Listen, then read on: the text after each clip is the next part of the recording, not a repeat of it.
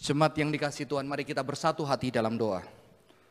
Tuhan kiranya Engkau boleh berbicara kepada setiap kami. Hari ini kembali kami beribadah, memuji Tuhan dan menyembah Tuhan. Kami sudah mengaku dosa kami. Dan Tuhan biarlah berbicara melalui firman-Mu. Dan Tuhan mengurapi hamba yang sudah mempersiapkannya. Boleh menjadi berkat buat setiap jemaat Tuhan. Kami serahkan pemberitaan firman ke depan ke dalam tangan Tuhan. Di dalam nama Tuhan Yesus Kristus kami berdoa. Amin. Shalom jemaat yang dikasih Tuhan. Hari ini kita akan berbicara sebuah topik dysfunctional family, keluarga yang tidak berfungsi dengan semestinya. Saudara-saudara secara khusus hari ini saya akan membahas tentang pergulatan seorang anak Tuhan, pergulatan Daud dan anak yang juga dicintainya yang bernama Absalom.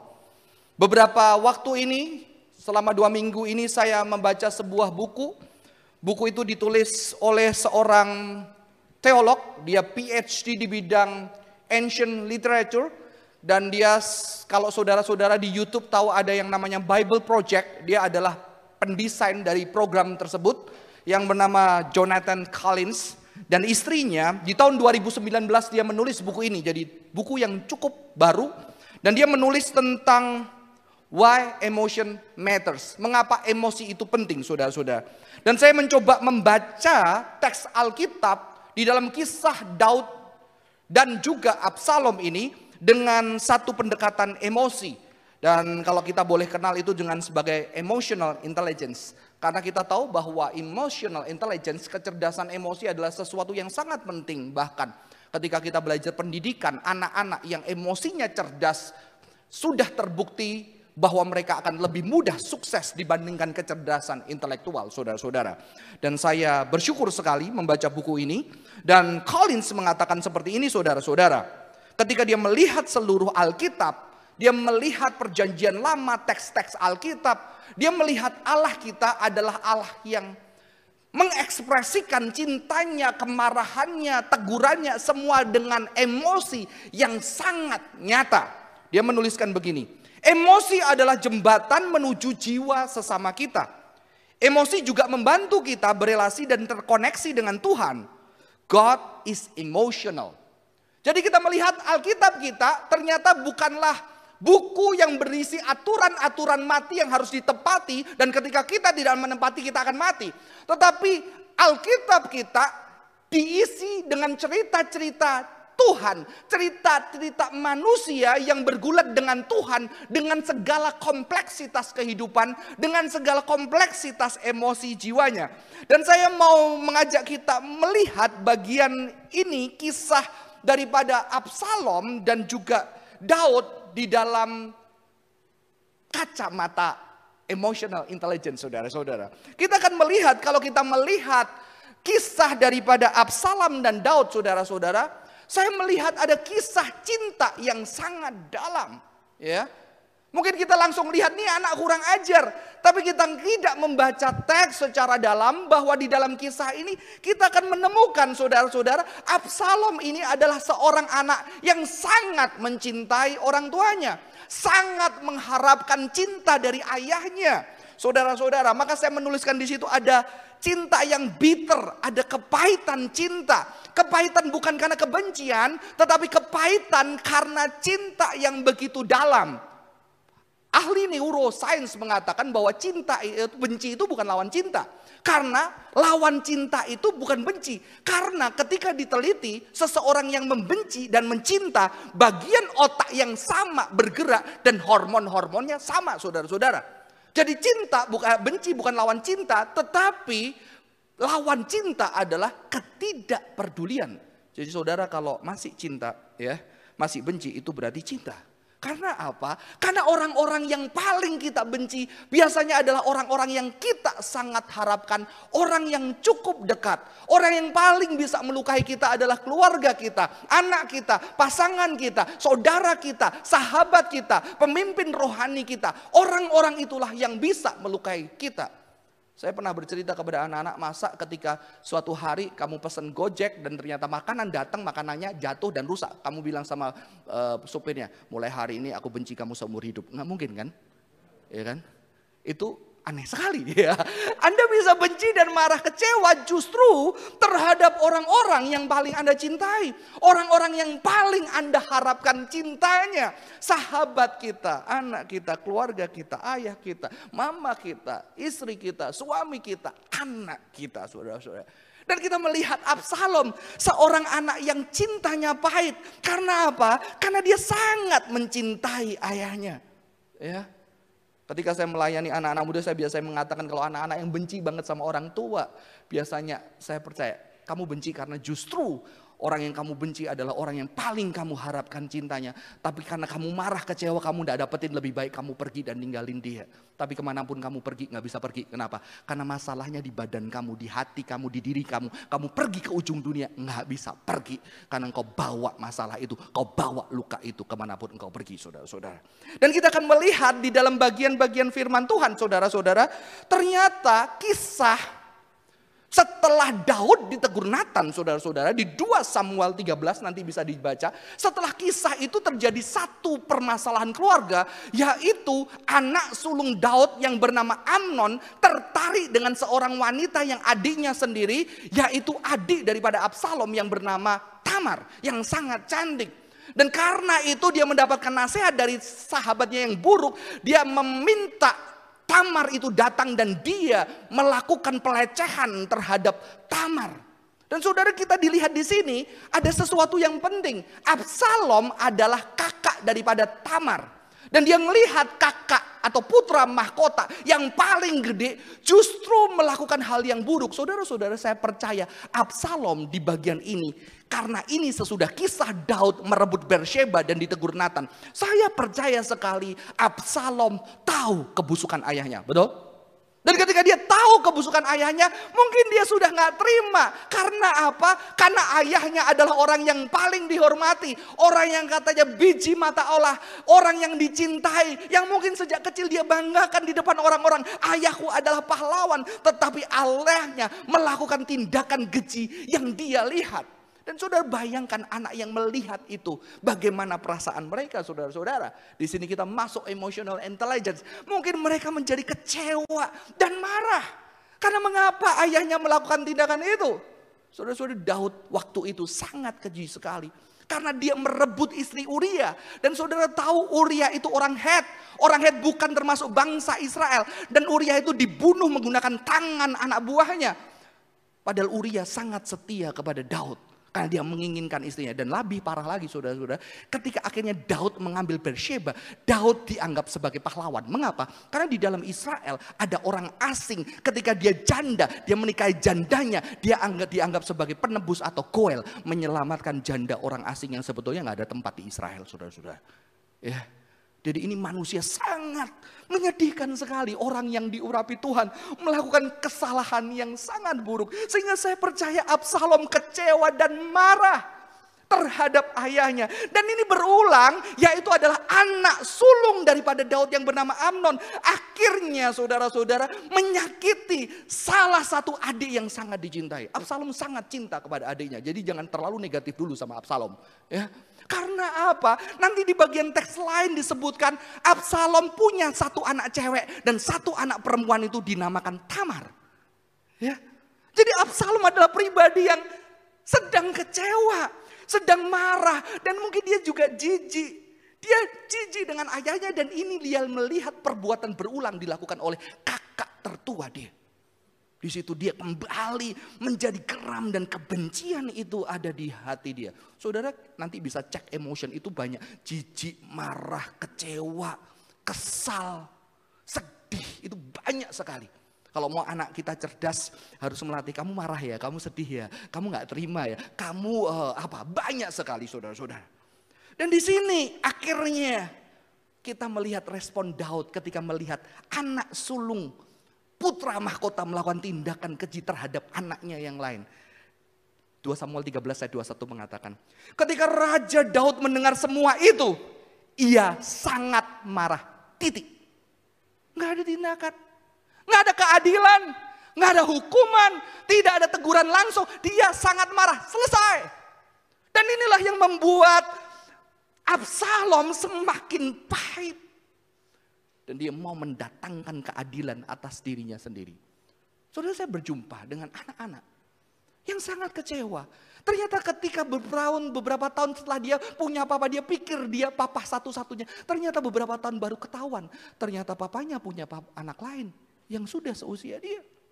Bahkan saya berjumpa dengan seorang teman yang ketika papanya di jenazah sedang dipetik mati. Semua orang lihat papanya aktif di gereja dan akhirnya datang keluarga lain yang mereka terkejut ternyata itu adalah anak-anak papanya.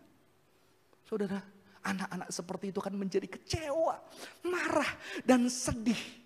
Maka di sini Absalom merasa tidak bisa dibiarkan dan dia dengan kekuatannya menegakkan keadilan. Jadi ini tumpuk saudara-saudara. Apa yang dilakukan Daud berulang dengan apa yang dilakukan kakaknya penulis Alkitab, uh, penulis penafsir Alkitab dari ESV Study Bible mengatakan bahwa Daud kemungkinan besar sangat sayang dan menghargai ayah uh, putra mahkota yang Amnon ini yang akan menggantikan dia sehingga dia tidak tegas terhadap perbuatan Amnon. Itu yang membuat Absalom pahit. Saudara bayangkan ketika kita jadi Absalom. Ya. Kita memang gampang, wah anak kurang ajar. Tapi kalau kita jadi dia saudara-saudara Bayangkan perasaannya. Dan ketika itu dia tahu, dia tahu mungkin dia salah, tapi kemarahan itu besar, dia lari. Dan ketika Absalom lari, saudara-saudara, Daud membiarkan Absalom lari selama tiga tahun. Absalom dibiarin tiga tahun. Daud tidak memanggil, walaupun Daud sayang, tapi Daud tidak manggil. Akhirnya ada seorang panglima Daud yang bernama Yoab tahu sebetulnya Daud sayang, tapi nggak mau panggil Absalom. Akhirnya Yoab memakai segala cara untuk akhirnya sudah nanti bisa baca, untuk akhirnya Daud menjadi luluh dan akhirnya Absalom pulang ke rumah, pulang ke Yerusalem. Tetapi Daud mengatakan, jangan sekali-kali anak itu datang menghadap aku.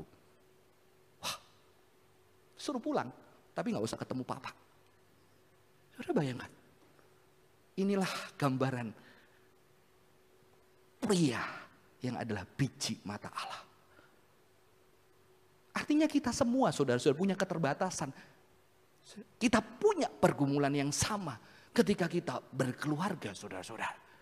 Ya. Dan akhirnya Absalom pulang. Dan ketika pulang dua tahun dia tidak berjumpa dengan ayahnya. Apa perasaan Absalom kira-kira? Kita masuk emotional intelligence lagi. Merasa diacuhkan. Tidak diingini. Tidak dicintai. Tidak berharga. Ya. Dan Alkitab menjelaskan di 2 Samuel 14 ayat 32. Apa gunanya aku datang? Ini diomong ketika apa saudara-saudara? Dia panggil Yoab, Yoab tolong datang. Yoabnya nggak mau datang, dibakar saudara-saudara. dia saking keselnya dia udah penuh dengan emosi ya. Dibakar ladangnya Yoab, Yoab baru datang. Terus dia bilang, kenapa kamu bakar ladang gue? kenapa kamu dipanggil nggak pernah mau gitu kan? Dan ketika datang dia ngomong seperti ini, apa gunanya aku datang dari Gesur? Lebih baik aku tetap tinggal di sana. Sekarang aku mau datang ke hadapan raja. Jika aku bersalah, biarlah aku dihukum mati. Saudara di sini sebetulnya ngomongan apa? Seorang anak yang rindu, yang pengen ketemu sama papanya. Jadi dia ngomong apa? Kalau nggak mau mati aja udah nggak apa-apa. Saudara saya melihat Absalom adalah pribadi yang terluka. Karena cinta juga yang begitu dalam. Saudara-saudara. Dan akhirnya Daud luluh karena Yoab. Dan di ayat selanjutnya dikatakan apa? Absalom datang. Ia datang menghadap raja dan sujud dengan muka sampai ke tanah di hadapan raja. Lalu raja lalu mencium Absalom. Berhenti. Berhenti di sini. Mungkin kita berpikir, wow Daud bagus. Dia menyium Absalom. Tapi tidak dituliskan sama sekali respon daripada Absalom. Saudara-saudara saya percaya tidak terjadi rekonsiliasi di sini. Mengapa? Kalau saudara melihat Alkitab kita, Alkitab kita dimulai kata dosa pertama kali muncul ketika seorang kakak membunuh seorang adiknya. Sebelum membunuh Tuhan mengatakan dosa sedang mengintip di depan pintu. Ketika Kain mau membunuh, membunuh Habel dan penuh dengan kebencian. Itu kata dosa pertama kali. Walaupun secara teologis kita melihat bahwa di kejadian ketika ada Hawa memakan buah dan Adam itu dosa. Tetapi kata itu muncul ketika seorang kakak membunuh adiknya sendiri. Kakak yang paling tua yang harusnya jaga adiknya. Tapi malah membunuh adiknya saudara-saudara. Ya, yang sulung harusnya menjaga maka dia dapat warisan lebih, maka dia dapat kekuatan lebih saudara-saudara. Tetapi Alkitab juga menuluskan setelah kisah Kain dan Habel, saudara kalau bicara tentang keluarga Alkitab, saya tahu keluarga Alkitab itu broken semua gak? Kita menyebut Allah Abraham, Ishak, Yakub, mau punya ayah seperti itu? Mungkin ayah kita lebih baik, betul? Abraham, Ishak, Yakub, ribut nggak keluarganya? Jadi sebetulnya keluarga yang Alkitabiah seperti apa saudara-saudara? Keluarga yang penuh dengan berantakan. Allah Abraham, bagaimana Abraham, Hagar, Sarah, Ismail, Isa. Dan kita lihat Ismail yang disuruh pergi. Tapi untung Ismail nggak jahat saudara. Kalau jahat waktu nguburin Abraham dibunuh itu Isa, betul? Beberapa penafsir Yahudi mengatakan akhirnya Ismail yang merawat Ishak. Karena Ishak anak mama. Ya. Saudara-saudara, akhirnya apa juga teks yang Esau dan Yakub. Esau dan Yakub akhirnya apa? Ketika mereka bermusuhan, kakaknya mau membunuh adiknya. Di situ ada Shalom, akhirnya adiknya datang. Esaunya peluk dia dengan mereka bertangis-tangisan. Mereka berdua bertangis-tangisan. Yang puncak adalah Yusuf. Yusuf dan saudara-saudaranya. Yusuf adik yang paling kecil. Yang tidak harus jaga kakak-kakaknya. Tapi Yusuf Tuhan pakai untuk menjaga kakak-kakaknya. Dan ketika ketemu kakaknya semua dipeluk dan mereka berpelukan bertangis-tangisan. Di bagian ini nggak ada itu. Daud mencium, tidak dituliskan menangis. Alkitab kita sangat emosional. Ya. Karena apa? Setelah bagian ini, setelah kejadian ini mulai Absalom membangun kekuatan. Menarik minat orang-orang untuk bisa melihat dia, bangga terhadap dia. Dan di situlah pemberontakan terjadi justru setelah kisah raja lalu mencium Absalom saudara-saudara. Tidak ada rekonsiliasi. Mungkin Absalom juga sudah terlalu pahit. Sehingga ketika Daud sedikit tergerak, saya percaya Daud ada cinta. Tapi dia juga terbatas karena apa? Anaknya membunuh anaknya sendiri. Dia juga sedang confused mungkin. Dia sedang bingung, dia tidak mengerti apa yang harus dilakukan. Saudara-saudara. Dan di sini kita melihat kita akan masuk bagaimana dengan Daud. Apakah Daud juga punya, punya bitter love? Daud juga ada. Karena apa? Karena cintanya yang besar terhadap anaknya. Saudara ketika akhirnya Absalom menyerbu Daud. Daud harus lari ke gunung. Dan di situ dituliskan Daud melepas sepatunya. Artinya apa? Tanda bergabung. Dan sepanjang daki gunung Daud menangis. Apakah dia menangis karena meninggalkan selinnya? Saya percaya dia menangis karena anak yang dicintainya mengejar dia untuk membunuh dia. Saudara-saudara dan sesuatu yang luar biasa. Ketika akhirnya Daud dan panglimanya mempunyai kesempatan, mungkin mereka bisa menang karena Absalom harus ngejar sendiri. Karena apa? Daudmu perkasa. Kalau kamu ngejar dan kamu menang, nanti kamu dapat nama seperti Daud. Tapi kalau pahlawanmu nanti ah, kalah sama Daud, malah Daud kuat, orang jadi mendukung ayahmu. Lebih baik kamu kejar sendiri. Dan ketika Absalom mengejar sendiri, panglima-panglima Daud memasang strategi untuk membunuh Absalom saudara-saudara. Dan ternyata ketika itu pun apa yang menjadi kekhawatiran Daud? Ini yang dikatakan Alkitab. Raja memberikan perintah. Perlakukanlah Absalom orang muda itu sebaik mungkin demi aku. Ya. Ini pesan Daud. Menang, hancurkan, kalahkan enggak? Tolong. Perlakukan Absalom orang muda. Artinya dia masih banyak masa depan. Aku udah tua. Mungkin dia belum berpengalaman. Kita harus beri kesempatan kepada anakku Absalom itu. Dan ternyata ketika Panglima Daud menang. Ketika pulang menghadap Daud, kita udah menang. Apa yang ditanyakan raja pertama? Kemudian raja bertanya, selamatkah Absalom orang muda itu? Dan pasukan itu nggak bisa jawab. Lalu Daud lari kepada pasukan yang lain. Orang Ethiopia. Dan dia bertanya ulang kepada orang Ethiopia itu. Selamatkah Absalom orang muda itu?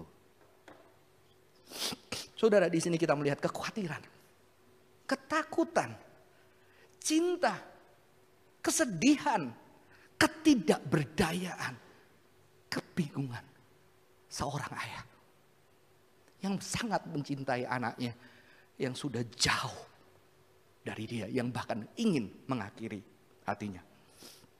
Saya ketemu seorang bapak yang sudah bercerai. Saya tanya, Pak, pergumulan orang bercerai apa? Dan ternyata dia bercerita, anaknya tidak mau bertemu dengan dia. Dan yang membuat saya sedih adalah ketika dia melihat anak saya cewek tiga. Dia bilang, Pak mau sepeda enggak? Sepeda kuno. Oh iya, anaknya sudah lulus S1. Setahu saya S1 atau S2. Dua putrinya, saudara. Ternyata bapak ini masih pinjem punya dua sepeda kuno yang masih bagus yang nggak ada bisa beli di mana. Dan dia lihat anak saya dia kasih. Masih sangat bagus sepeda kecil anaknya yang sudah wisuda. Dan ketika saya tanya pergumulan bercerai apa? ketika anak saya nggak mau berjumpa dengan saya, cinta saya tidak berubah. Sudah-sudah. Inilah yang dialami Daud dengan pergulatan emosi dia yang dalam. Dan yang membuat saya tersentuh adalah ketika saya membaca Alkitab ini dengan penuh emosi saudara-saudara. Yang dianugerahkan Tuhan. Karena Tuhan beri kita perasaan yang dalam perasaan cinta. Di sinilah ketika Daud mendengar kata bahwa anaknya meninggal. Terguncanglah hati raja, lalu naik ke ruang atas pintu gerbang dan menangis. Sambil berjalan ia berkata demikian. Anakku Absalom, anakku, anakku Absalom. Anda saja aku yang mati ganti engkau. Absalom anakku, anakku, anakku. Maaf saudara-saudara. Kemenangan hari itu menjadi perkabungan Raja menutupi wajahnya dan meratap dengan suara nyaring. Anakku Absalom, anakku, anakku. Sebetulnya ketika melihat ini saya berharap. Mungkin di detik-detik Absalom terkira tergantung. Dia mulai ingat ketika dia mau mati. Dia, saya berharap ya kalau ada filmnya yang buat dia ingat wajah ayah yang dia benci. Tapi sebetulnya mengapa dia benci? Karena dia mengharapkan cinta yang besar, keadilan besar dari seorang ayah dia, saudara-saudara. Kesimpulan saya dari bagian ini adalah seandainya Daud mendengar curahan hati Absalom, pasti beda. Yang kedua, seandainya Absalom mendengar curahan hati Daud, pasti beda. Karena kita lihat kedalaman cinta seorang ayah yang anak. Daud lebih bisa maka ketika datang kepada Tuhan, Daud lebih sehat emosinya saudara-saudara dibandingkan anaknya yang sedang marah. Sebetulnya sedang sehat tapi dia belum bisa mengekspresikan itu. Maka dia mengekspresikan dengan kemarahan, kekecewaan. Tapi di sini kita melihat Daud lebih bisa saudara-saudara. Tapi sayangnya kenapa itu tidak diekspresikan kepada anak yang paling dicintai. Ya. Saya berharap anugerah Tuhan ada buat Absalom ketika detik-detik terakhir hidupnya. Cinta Tuhan tetap ada di sana. Karena saya percaya Tuhan dekat dengan anak-anak yang terluka. Yang terluka karena cinta. Kebencian yang diakibatkan karena cinta yang begitu besar saudara-saudara. Solusi saya untuk sebuah usaha yang bisa kita lakukan ketika menghadapi dysfunctional family saudara-saudara. Yang pertama, dengan emotional intelligence. Sadar dan mengenali emosi kita. Kalau kita terluka, ju jujur, dan kita berani rentan dengan perasaan yang dialami. Jadi kita harus tahu ketika kita di rumah. Ketika kita punya masalah dengan anak kita, apa yang ngena di kita? Apa yang tidak nyaman buat kita? Apa yang kita rasakan ketika dia ngelotot sama kita? Anak, apa yang kita rasakan ketika papa kita ngomong nasihatin terus? Apa yang kita rasakan? Kita harus kenal emosi kita. Dan ketika kita kenal emosi kita saudara-saudara, kita tahu harus bagaimana merespon emosi itu supaya sehat. Maka kalau Anda konseling, Anda akan diajar ketika emosi itu keluar, dituliskan apa yang kamu rasakan, apa yang kamu harapkan. Ya. Dan bagaimana kamu handle emotion itu, umpama ketika kamu marah sama orang tuamu atau orang tua marah sama anaknya, ketika tetap ada di sana Anda semakin meledak, Anda harus pergi. Dengan ngomong, aku harus pergi, jangan tahu-tahu pergi, saudara-saudara ngilang, tiga hari nggak pulang ya. Aku harus pergi karena papa kalau di sini nyakitin kamu lagi, kasih papa waktu. Di situ kita bisa tenang, kita harus menemukan cara kita sendiri. Ada yang naik motor, pergi naik mobil, tapi jangan kebut-kebutan. Ada yang kebut sih teman saya ya. Jangan ya. Ada yang akhirnya boxing atau temen keluar ngopi sama temennya untuk bagaimana dia kenal perasaannya. Dan dia tenang sejenak. Setelah tenang sejenak, berani mengekspresikan emosi itu kepada orang yang kita cintai ya kadang tidak selalu siap tetapi ekspresi emosi yang sehat adalah bukan menunjukkan telunjuk kita kepada orang yang kita marah. Aku begini karena kamu begitu karena kamu begitu makanya aku begini. No tapi jujur apa yang kita rasakan. Saudara-saudara tadi penulis Collins mengatakan emosi yang sehat itu membuat kita bisa dekat sama orang lain dan dekat sama Tuhan. Karena jujur saudara-saudara emosi itulah justru melaluinya kita bisa berrelasi dengan Tuhan dan ketika kita doa setelah mengenali emosi-emosi itu dalam doa-doa jujur terucap. Seringkali ketika kita bisnis sulit, nggak ada pekerjaan, yang kita doakan Tuhan kirimkan pekerjaan, Tuhan kirimkan bisnis, Tuhan tolong, gimana anakku butuh bayar, Tuhan tolong. Saudara doa tidak seperti itu tidak masalah, itu baik. Tetapi ketika kita tanya, kenapa ketika tidak ada bisnis? Ketika perusahaan tidak ada, ketika rumah tiga harus kejual dua-duanya. Apa yang kita takutkan? Oh ternyata kita takut. Oh ternyata ketika aku nggak punya, aku takut. Karena dulu aku pernah nggak punya, direndahin orang. Sehingga kita bisa datang Tuhan, Aku pernah miskin, sekarang aku nggak miskin, tapi aku menuju ke sana, aku takut. Aku tidak direndah, aku direndahkan orang lagi. Atau kita takut, tidak ada yang mengalahkan. Atau kita punya pengalaman ternyata dulu keluarga kita pernah miskin, hancur. Dan aku nggak mau anak-anakku mengalami dan kita bisa berdoa kepada Tuhan dengan doa perasaan yang sangat jujur. Dan ketika kita omongin kepada anak kita, kita omongin dari hati kita. Saya paling kesel kalau anak saya bilang, papa nggak sayang aku itu capek banget. Tapi ternyata saya dulu juga ngomong gitu sama papa saya ya. Papa gak sayang aku sekarang ketika anak saya ngomong saya sakit saudara-saudara. Terus saya tanya, kenapa kamu tuh bilang papa gak sayang kamu? Ayo sebutkan. Iya karena papa suka marah-marah. Saya bilang, berarti papa sayang anak tetangga. Papa gak pernah main mana sama anak tetangga, iya kan? Eh, dia nggak puas saudara-saudara pasti ya. Dia gak akan puas dengan jawaban itu. Ya, Sebetulnya ketika dia bertanya itu hati saya sakit. Saya anak pertama, anak pertama kan sering ya mengalami ketidakadilan kadang-kadang ya. Salah terus, kamu jadi contoh, adik yang jatuh, kenapa kamu gak jaga?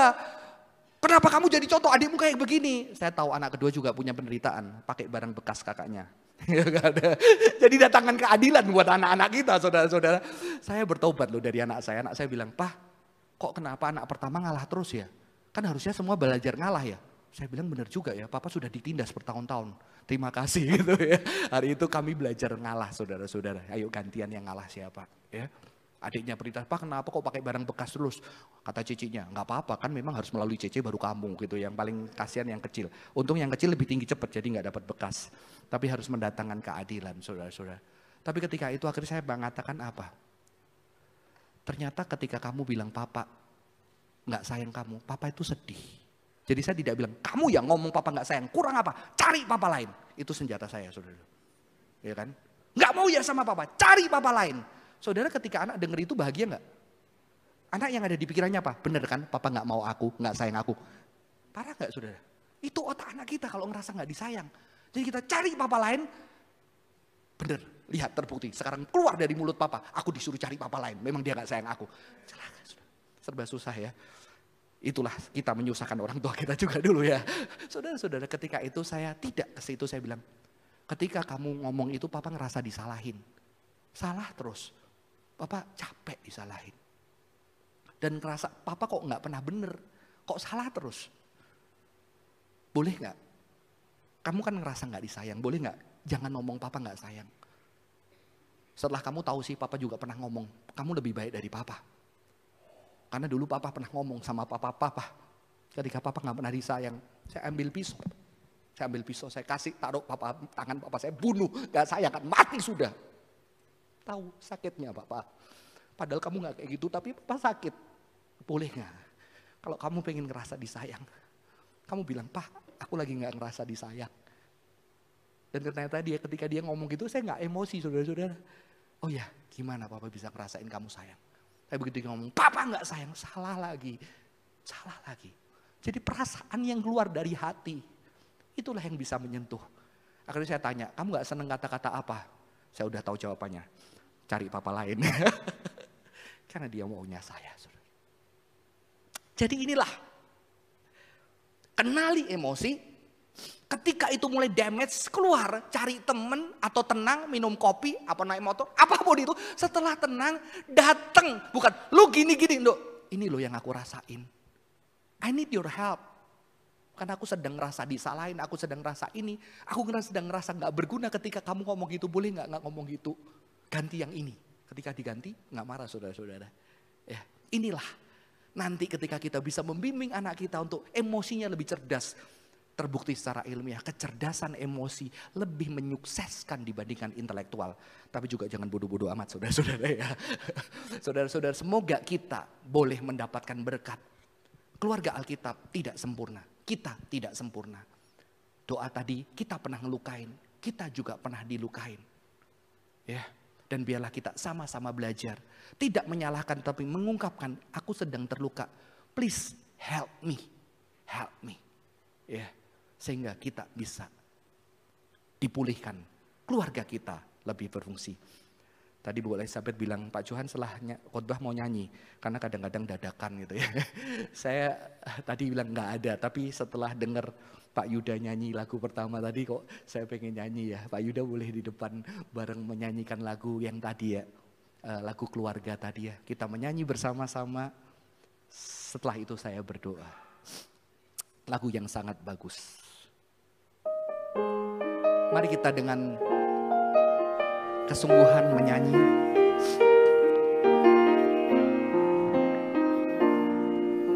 Kiranya Tuhan berkenan sebagai doa pengharapan kita. memberkati rumah keluarga anak-anak ingat wajah orang tuanya. Apa yang telah Tuhan berkati orang tua ingat wajah anak-anaknya suami istri diberkatilah untuk selamanya. Mari kita bangkit berdiri. Sebab Tuhan melindungi, Tuhan menyinari dengan wajahnya. Memberi kasih karunia, damai sejahtera Tuhan Yesus berkati. Sekali lagi kita nyanyikan sebagai doa setiap kita. Kiranya Tuhan berkenan memberkati rumah keluargaku.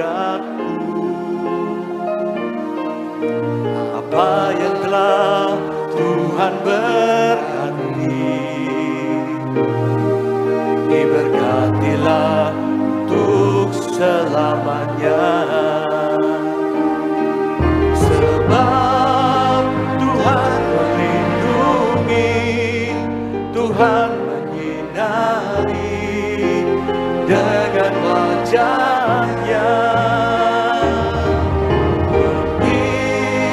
Kasih karunia, damai sejahtera. Tuhan Yesus berkati. Boleh mengingat pribadi-pribadi yang kita cintai, anak, suami, istri, orang tua. Kalau kita hari ini dengan istri kita, suami kita, jika kita ingin menggandeng, mendekap, boleh saudara-saudara. Mari kita berjanji di dalam segala keterbatasan kita. Kita mau belajar mencintai, mengekspresikan emosi, ketakutan, kekecewaan, kemarahan, dan meminta bantu.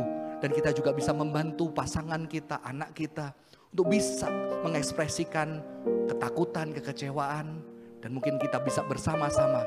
Biarlah Tuhan ada ketika kita bersatu. Kasih Tuhan menyatukan buat setiap keluarga. Kami bersyukur buat setiap keluarga kami.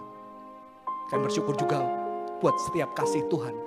Buat kehadiran orang-orang di sekitar kami, sahabat kami, keluarga kami, orang tua kami, anak kami, pasangan kami. Dan kami boleh belajar hari ini Tuhan dari kisah Daud. Kisah tragis yang karena cinta yang begitu besar. Dan kiranya Tuhan kami boleh belajar dari kisah Daud. Kami bisa mengekspresikan hati kami, cinta kami. Walaupun tetap terbatas. Tolong kami Tuhan. Tolong setiap keluarga di dalam pergumulannya. Di dalam segala struggle, ekonomi, financial, relation. Anak, orang tua, menantu, mertua. Biarlah Tuhan boleh memberi kekuatan kami hari ini untuk menyatakan cinta Tuhan yang penuh dengan cinta, yang sangat penuh dengan emosi yang sangat kaya. Dan kiranya kami boleh merasakan cintamu kembali di dalam keluarga kami. Terima kasih Tuhan buat hari ini. Dalam nama Tuhan Yesus Kristus kami berdoa. Amin. Silakan duduk Tuhan Yesus memberkati.